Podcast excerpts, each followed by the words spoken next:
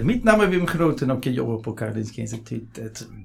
Institutionen för neurobiologi, vårdvetenskap och samhälle. Sektionen för fysioterapi. Dagens Fysion säger handlar om alla möjliga saker, tror jag. Men temat är nog teorier. Därför har jag bjudit in Malin Sellberg. Välkommen till Fysion säger Malin. Tack! Vad roligt att du är här! Ja, kul att vara här. För att det här är fantastiskt att vi fick ihop ett litet möte. Du är så himla upptagen nu för tiden. Vad gör du och vem är Malin? Ja, eh, fler frågor. Men jag, jag är sista året som doktorand. Så mm. det är väl det framförallt som gör att jag är så upptagen. Och det jag gör är att jag, ja, jag doktorerar inom mitt område, det jag håller på med, medicinsk pedagogik. Mm. Men det är egentligen lunggymnast från början? Ja, två områden som jag har specialiserat mig inom lungvård och intensivvård. Men när jag bjöd in dig till Fysion säger, då nappade du på en gång. För att jag tror det brinner för vissa saker här. Ja, eh, egentligen allt det som jag gör tycker jag är roligt. Mm. Eh, så jag skulle i princip lika gärna kunna prata om lungor eller intensivvård. Men just nu så är det ju mycket pedagogiska tankar mm. som jag håller på att brottas med. Och när jag blev doktorand, den första frågan jag fick från mina handledare mm. var vilket teoretiskt ramverk jag ska ha för min avhandling. Just det. Och eh, jag blev lite ställd för att jag, jag är erfaren liksom, kliniker. Jag, jag har jobbat med utbildningsfrågor och varit adjunkt i jättemånga år. Och ändå så visste jag inte vad jag skulle svara på, vilket mm. teoretiskt ramverk jag skulle ha. För om jag ska vara helt ärlig så visste jag faktiskt inte vad det var och vad det mm. innebar. Nej. Så då kunde jag inte svara på det. Sen så har jag ställt frågor här runt omkring oss. Så här, vad har ni för teoretiska ramverk och vad använder du för teoretiskt ramverk? Och det är ingen som kan svara. Nej. Um, och då tänker jag, men varför, varför är det så? Ja. Och sen så läste jag en artikel av Kirsti Malterud. Och hon är ju en känd, liksom etablerad mm. forskare. Och den, jag tror att den kanske är fem år gammal nu, så den, jag betraktar den som ganska modern ändå.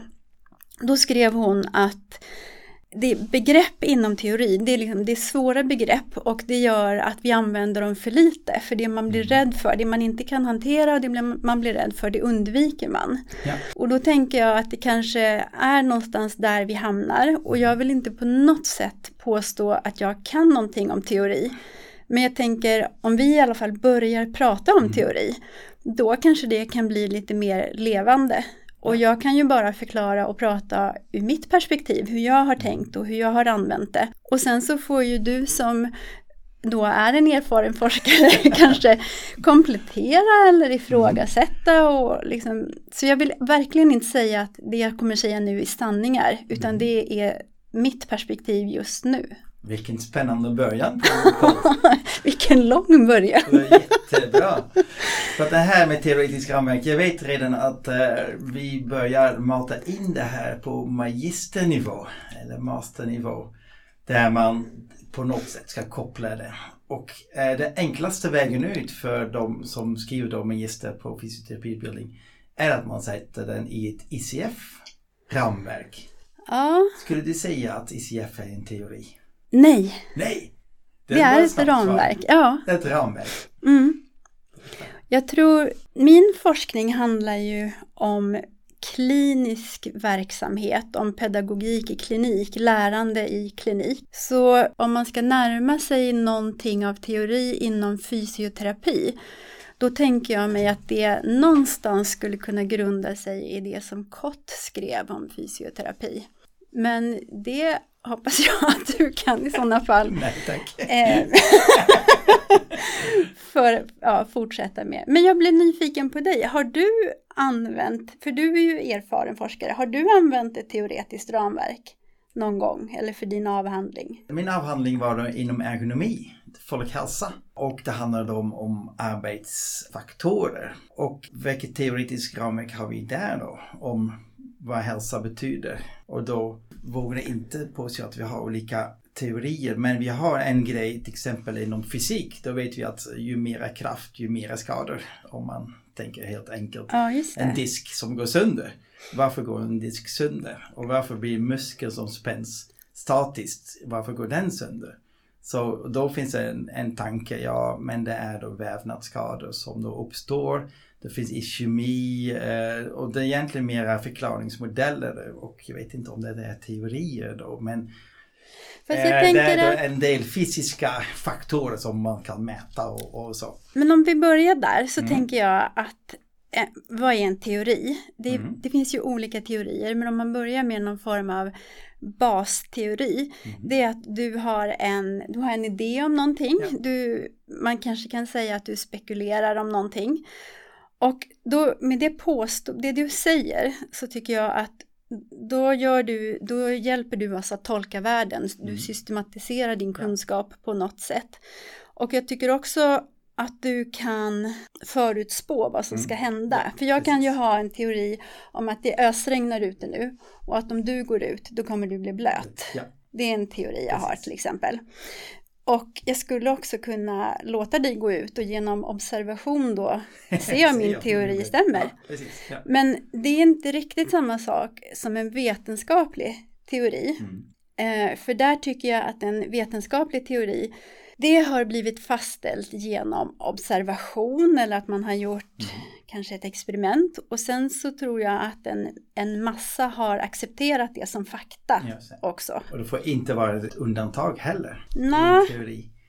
Det är väldigt intressant. Eh, Till exempel eh, eh, gravitationskraften. Newton hade en teori att massa drar mot varandra. Och det skulle vara jättekonstigt om, om det, den teorin skulle hålla när vi tittar på Star Wars där The Force kommer in och sakerna flyger åt andra hållet. Aha, Det stämmer just inte. det. Nej, går nej. Inte. Så gravitationsteorin i, i filmerna Star Wars går inte. Nej, vad, bra tanke, Jag eller inte bra det observation. exempel.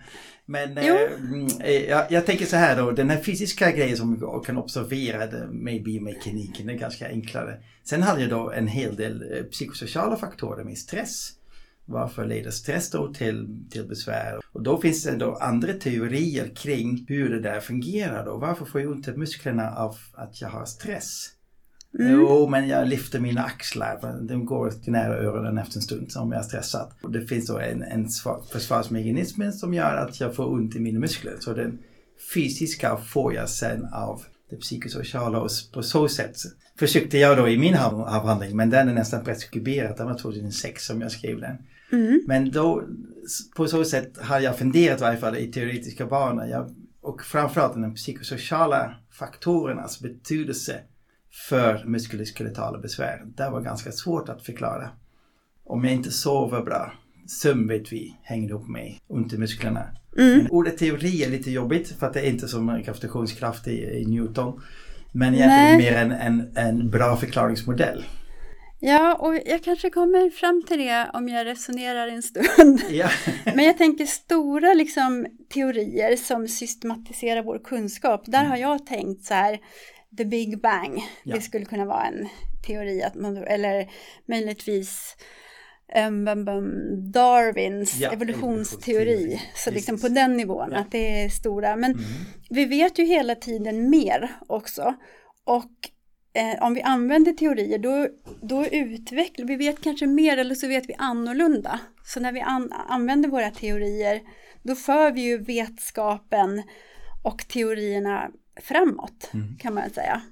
Men jag tänker om man fortsätter på teorin så ska den vara, om det är en vetenskaplig teori så ska väl den vara falsifierbar. Precis, Ja, är vi är överens. Ja, Så att man ska kunna hitta ett experiment som motbevisar. Ja. Och då faller hela teorin. För man kan ju ha dragit fel slutsats Ja. när man hade teorin. Så då har man ju på något sätt en Mm. annorlunda syn då på teorin Precis. efter att man har motbevisat.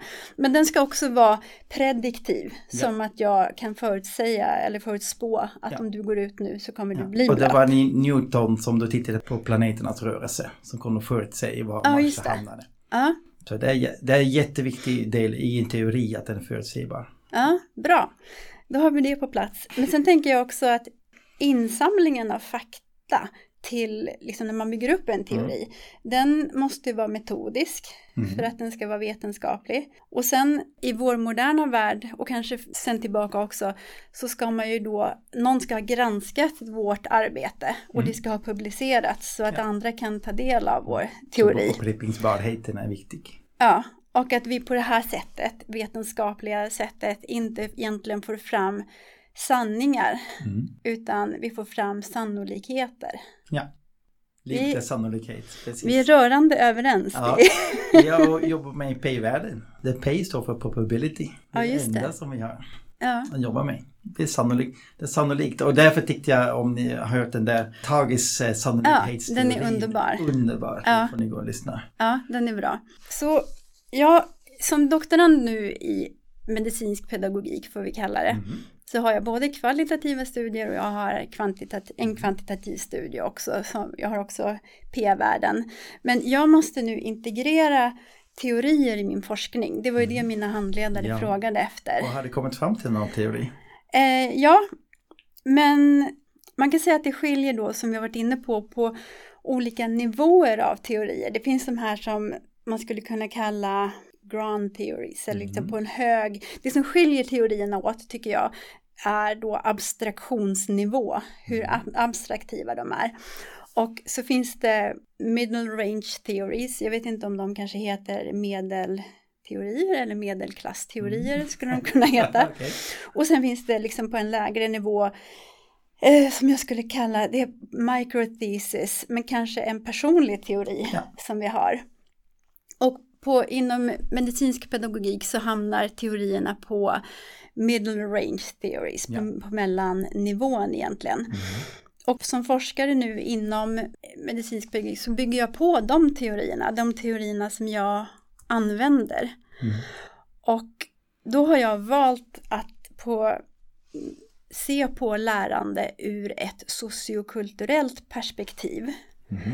Och det ska hjälpa mig att skapa en röd tråd genom min avhandling egentligen. Mm. Och jag tänkte just det där med utgångspunkt, det blir viktigt. Så om jag, nu sitter du och jag mitt emot varandra. Mm. Och om jag ska tolka dig, om jag ska liksom forska på dig, då kommer mitt perspektiv vara framifrån Mm. Forskning. Så om, eh, om man ska forska på dig från andra hållet, bakifrån, då skulle det vara ett helt annat perspektiv. Mm. Ja. Så kan man kanske säga. Precis. Och när jag kör min framifrån forskning här på dig, då måste jag följa liksom de regler, de ord som, Mm. som är förenliga med framif- framifrån forskning. Ja. Medan de som studerar någon bakifrån, de får använda sina termer, Mm. det som hör ihop med att studera någon bakifrån. Mm. Men om man då har en teori, kan man säga, då bidrar vi ju båda till utvecklandet av teorin. Ja. Gick det att få Det, jag någon... tror nästan att det går. Jag brukar ha i termin ett brukar jag ha ett litet exempel där det finns fem blinda män som för första gången kommer i ett rum där det finns en elefant och den ena hittade benen och tror att det är träd. Det är så runda och hårda och andra Ja. hittar svansen och tror att det är en, en orm. Ja. Och tredje hittar snabel och tror att det är någonting annat. Och tillsammans ska de då bygga en bild av vad är en elefant för något. Ja, så just det. tillsammans kommer de fram till kanske att det är något. Ja, jättebra. Lektion 1 i termin 1 Nej men fantastiskt. om teorin. Ja, Eh, och det är så som vi då eh, samlade data. Och jag vet eh, när ni håller på med den här kvalitativa forskningen då brukar man prata om grounded theory. ja, men, är, är, men är det en teori egentligen? Är det, är det ett perspektiv ja men det är det bara? som är så svårt och jag tänkte att man, eh, jag kan inte gå in på det, men att med olika metoder också finns det ju olika teorier, Mm. olika liksom forskningsansatser. Och då, då hör de till, den, till det sättet. Ja. Medan byter man till innehållsanalys, då är det andra regler som Mm. gäller. Så det, man måste vara, vara teoritrogen Ja. ur det perspektivet kan man Egentligen, säga. Precis. Ja.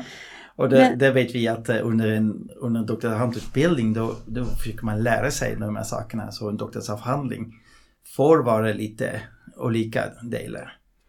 Ja, för det som också tillkommer som eh, blir liksom en extra sak till ut på teorin, det är ett filosofiskt ramverk Ja. som jag också måste eh, liksom positionera mig. Och då tänker jag att om vi, vi gör liksom kategoriskt att du ägnar dig åt kvantitativ forskning. Mm. Då, in, då går du åt ett speciellt paradigm. Ja. Men jag kanske då som, som det blev nu får ägna mig mer åt kvalitativ forskning. Och går åt ett annat mm. paradigm. Ja. ja, jag vet inte hur jag ska säga riktigt men paradigm, ja, det blir ju... Vad är det skillnad mot, det? Mot ja, men det blir ju ett... Um, det avgör man ser liksom mer ontologiskt hur vi ser på verkligheten och kanske epistemologiskt, hur vi ser på kunskap, vad det mm. är, vad vi liksom sätter ner våra fötter i myllan. Men du som, om vi kategor fortsätter kategorin ja. med dig jämfört ja. mig, om vi, det är inte sanningen, men vi säger att det är så att du är kvantitativ och jag är kvalitativ forskare. Mm. Då tycker jag att då är du åt det positivistiska ja. paradigmet. Mm. Eller möjligtvis post positivistiskt paradigm. Medan jag som jag nu har placerat mig så blev jag mer konstruktivistisk mm. i mitt paradigm. Så du, om vi hårdrar dig, då tycker du att det finns en sanning mm. och du kan observera den. Ja. Men jag på min sida tycker att det finns multipla sanningar, det finns fler sanningar. Ja. Och, och de sker mellan människor och ja. vid sidan av människor. Ja. För jag intervjuar folk mm. och jag blir en del av forskningen mm. medan du kanske står lite mer ja. utanför din forskning. Om man fortsätter där så har ju du då som i din positivistiska avstamp en realistisk, en realism i din verklighet mm. medan jag har relativism ja. som min verklighet. Så vi befinner oss i helt olika världar mm. där det också det är liksom ytterligare sak utöver teorin, ja. att man måste ta avstamp där, var man står. Och jag har ju då kvantitativa studier också. Mm. Så jag skulle säga att i mest så är jag en konstruktivist, men när jag gör min kvantitativa forskning, då måste jag bli någonting åt det positivistiska mm. hållet. Absolut, det går inte annars. Jag ser så fina p-värden som ni hade i din första studie där. ja, det är sant. För det som då går med det, liksom, med ditt, med, med dig, med mm. det objektivistiska synsättet, då härleder du slutsatser ur din teori kan man säga. Mm. Men jag härleder du mina observationer. Mm. Så att du, har, du kommer ha en deduktiv ansats ja. medan jag kommer ha en mer induktiv ansats. Ja.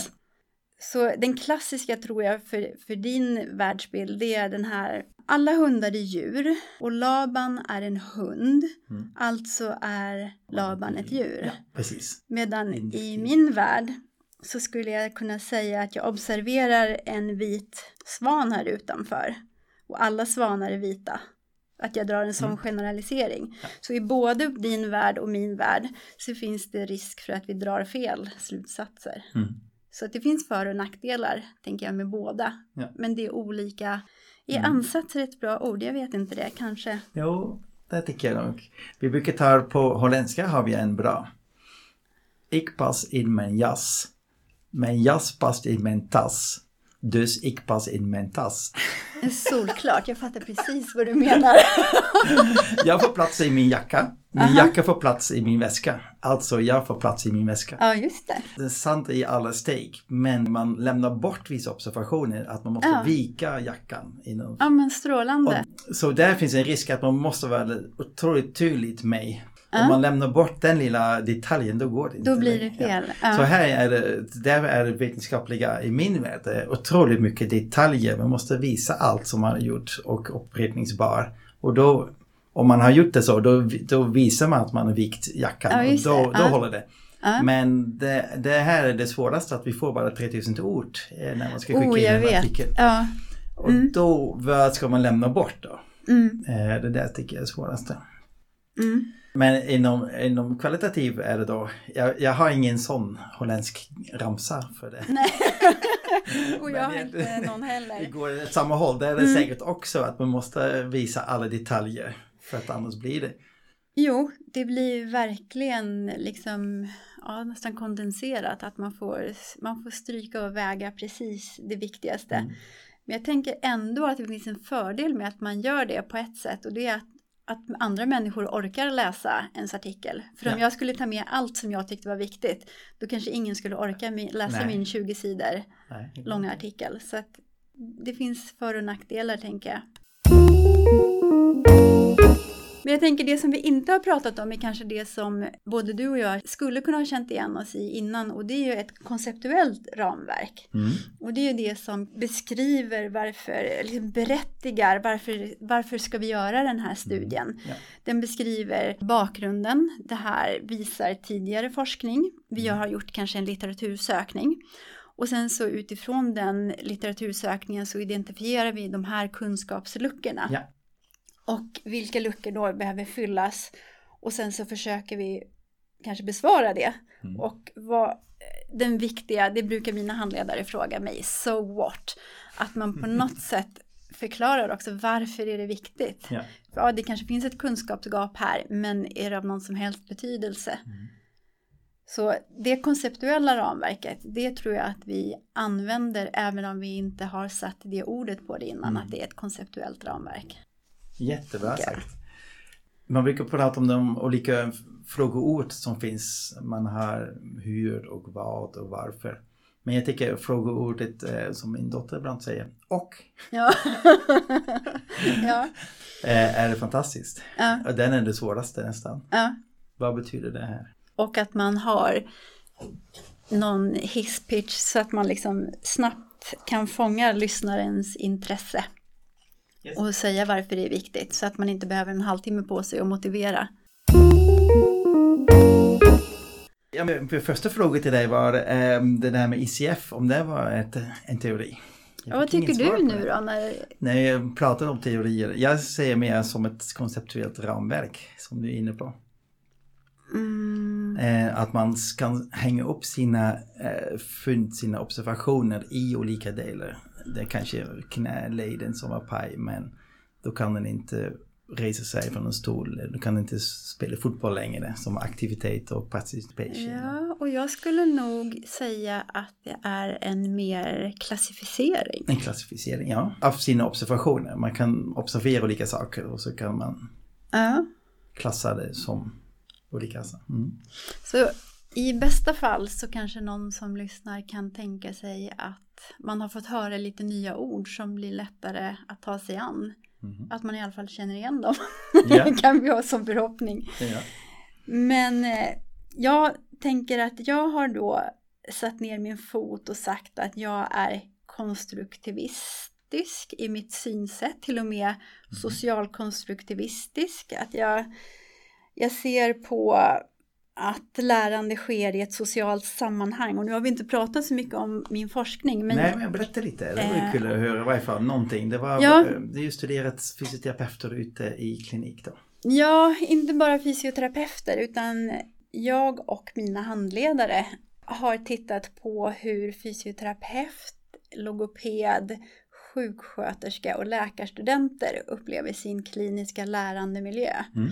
Nu blir det komplicerat igen, men det finns ju många sätt att se på lärande. Handlar det om ett barn som ska lära sig gå eller någon som ska lära sig prata ett språk? Mm. Eller, men då har jag då liksom placerat min forskning ute i klinik, när studenter kommer ut i klinik. Och då, då var min studie handlar om hur, vad har de för lärandemiljö där? Och då använder vi ett framtaget instrument, USIM eller USIM, framtaget av en forskargrupp i Lund, så det är framtaget för en svensk kontext. Mm.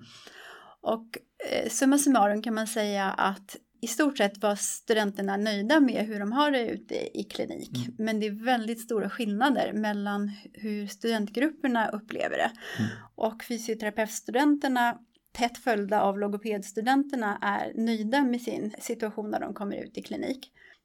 Medan sköterskorna skattade lägre och läkarstudenterna skattade Nice. ganska mycket lägre än alla andra. Mm. Och så läser jag diskussionen, de spekulerar lite grann om orsakerna där. Att, att deras kliniska tjänstgöring ser lite uh, olika ut. Ja, De hamnar mest i akut vård och kortare pass. Och, ja då, det är ju, där är ju kontexten viktig Mm. att beskriva. Att läkarstudenterna, för det här, eh, när vi gjorde USIM-studien, då hade vi studenter tidigt och i slutet av, liksom, så att vi skulle fånga, vi hade långa och korta program så att vi ska försöka fånga studenter över hela spektrat. Men i början på utbildningen så kan man säga att läkarstudenterna de har kortare placeringar, ofta bara en vecka. Medan fysioterapeutstudenterna, de är fem veckor. Ja. Och, men det, resultatet från den studien som då visade att det är stora skillnader mellan programmen. Så långt hade jag kommit i min halvtid. Mm. Sen fick jag rådet från halvtidskommittén, heter de det, Mm. att inte fortsätta som det var tänkt med de två delstudier som jag hade planerat, Mm. utan fortsätta liksom gräv där du står nu, varför är det så här? För vi kan ju ha spekulationer. Ja. Så min delstudie tre är intervjuer med fysioterapeutstudenter och se liksom hur de uppfattar sin Mm. kliniska situation. Och delstudie fyra som jag håller på att analysera nu, det är intervjuer med läkarstudenter. Ja. Min första studie var intervjuer med kliniska handledare och Mm. handlade om hur de arbetar med att ge studenter feedback. För vår utvärdering, inte studie utan en utvärdering som vi gjorde när jag var adjunkt, den visade att de tycker det är svårt att ge studenter feedback. Mm. Men då den här feedbacken så visar vår studie att den utvecklas för handledarna hela tiden. De blir inte liksom att så här ger jag feedback och då ger jag alltid feedback så, utan de tillhör ett stort socialt sammanhang där Mm. de har erfarna och mindre erfarna handledare, de har ett lärarlag och de har liksom en, en social kontext där Mm. de lär sig och utvecklar sig i sitt sätt att ge feedback. Ja. Och då eh, måste jag naturligtvis ställa frågan, eh, vad är det då för teoretiskt ramverk de använder? vad är feedback och hur kommer man sätta det i? Ja, jag tror handledarna tänker nog inte att de, de har ju inte ett teoretiskt ramverk för de är ju mina studiedeltagarna. Ja, ja. Utan det är ju fortfarande jag som Just gör det. studien och Mm. jag står kvar i mitt sociokulturella perspektiv på lärande Mm. och använder ett teoretiskt ramverk som heter Communities of Practices. Ja, Mm. Okej, så det, det finns ett som passar dig? Du ja känner dig hemma där? och sen så tänker jag att det finns ju, när man väljer bland ramverken så finns det kanske inte något jätterätt eller jätte, och några fel finns det väl, men liksom att nu har jag valt communities of practices och då, får jag ju, då är det upp till mig också att försöka förklara varför jag har gjort det Mm. och försvara. För det finns ju kanske nackdelar och, och det ramverket är kanske inte komplett. Och kanske kan jag komplettera lite grann till det ramverket så att det utvecklas. Mm. Väldigt intressant. Jag ser klockan tickar här ordentligt. Vi pratar länge och mycket men jag har kommit fram till något. Ja, Jag känner att jag har eh, fått lite eh, en bredare perspektiv på kunskap. Men jag vet inte om jag kanske... Nej, jag tänker också att man kanske alltid blir lite förvirrad en stund innan bitarna faller på plats. Mm. Men tanken var i alla fall att börja lyfta de här Mm. termerna och de här frågorna och se. Är det viktigt för, för patienten i slutändan? Att du håller på att teoretisera allt det där. Uh, Är fysioterapi ett yrke eller ett ämne? är fysioterapi ett yrke ett ämne? Det låter som en fråga du har tänkt på innan. Ja, vi brukar prata om den, den svårigheten när man undervisar. Ja, Vi vill att de får handfärdiga skills. Någonting som sitter i fingrarna, de, de kan. Men sen hoppas vi också om att de är då lite mer akademiska, att de tänker. Eh, och sen är också, man brukar säga the heart of a humanist. The, eh, the hands of an artist, the, the mind of a scientist. ja just det. Så Vad man fint. har de här tre olika bitar. Ja. Eh, och då där är frågan, ska vi hålla på, nu är det verkligen sitter vi i vetenskapens grunder och rotar där.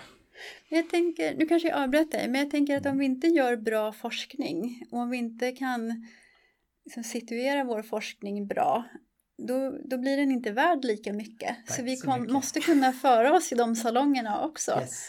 Och slutändan är ju självklart att det ska komma patienten till godo, att Mm. det ska bli så bra Mm. läkarstudenter som möjligt, så bra fysioterapeut, Mm. eh, inte student, utan slutprodukten, fysioterapeut, logoped, läkare, sjuksköterska, arbetsterapeut, ska ju vara Mm. så komplett som möjligt. Det är fantastiskt. För att eh, jag tror att det finns andra yrken där man kanske kommit lite längre än oss. Jag vet, eh, tänker bara så. Men jag vet att eh, jag har haft en här interprofessionell eh, kurs där vi blandar alla möjliga och där hade vi några arbetsterapeuter. Mm. Och de hade inga alls några problem, de som, jag, som var med, Mm. att plocka fram tre, fyra teorier som skulle passa dem. Och Nej. fysioterapeuter sitter som du sa i början, Ja. som va, Ja. Oj, teori, vad är det för någonting? Och det beror säkert på, på Och vilken utbildning som man är vilket teori. land man är i. Och Mm. en del, kan- en del grupper kanske kan ha det mer aktuellt än vad Ja. vi råkar ha haft det här. Mm. Och vi, vi, vi har det här då som ett inslag på, på masterutbildningen, magisterutbildningen där. Eh, men det är ganska svårt och jag hoppas att den här podden kanske Ett ger litet lite- steg, ja. en liten bit. Annars får du ha, fortsätta podden och försvara oss i avsnitt och förklara. Nästan. Avsnitt rör nu förklara och förtydliga. Mm. Eller så lär jag mig någonting mer, då får jag komma tillbaka och fortsätta spekulationerna. Mm. Ja, men stort tack Malin att du ställde upp för Fysion säger. Tack. Och istället för den vanliga jingeln som vi brukar ha, då tänkte jag visa en låt som jag skrev för en konferens här, där vi pratade om den där tre olika saker som en fysioterapeut ska kunna. Eh, Den som sjunger heter Linus Fagerström. Jag spelar alla instrument och eh, har gjort musik. Ha det så bra! with the hand of an artist and the mind of a scientist with the heart of a humanist. All adds up to a physiotherapist. Creative hand of an artist. A clever mind of a scientist with a heart of a humanist. So then you have a physiotherapist.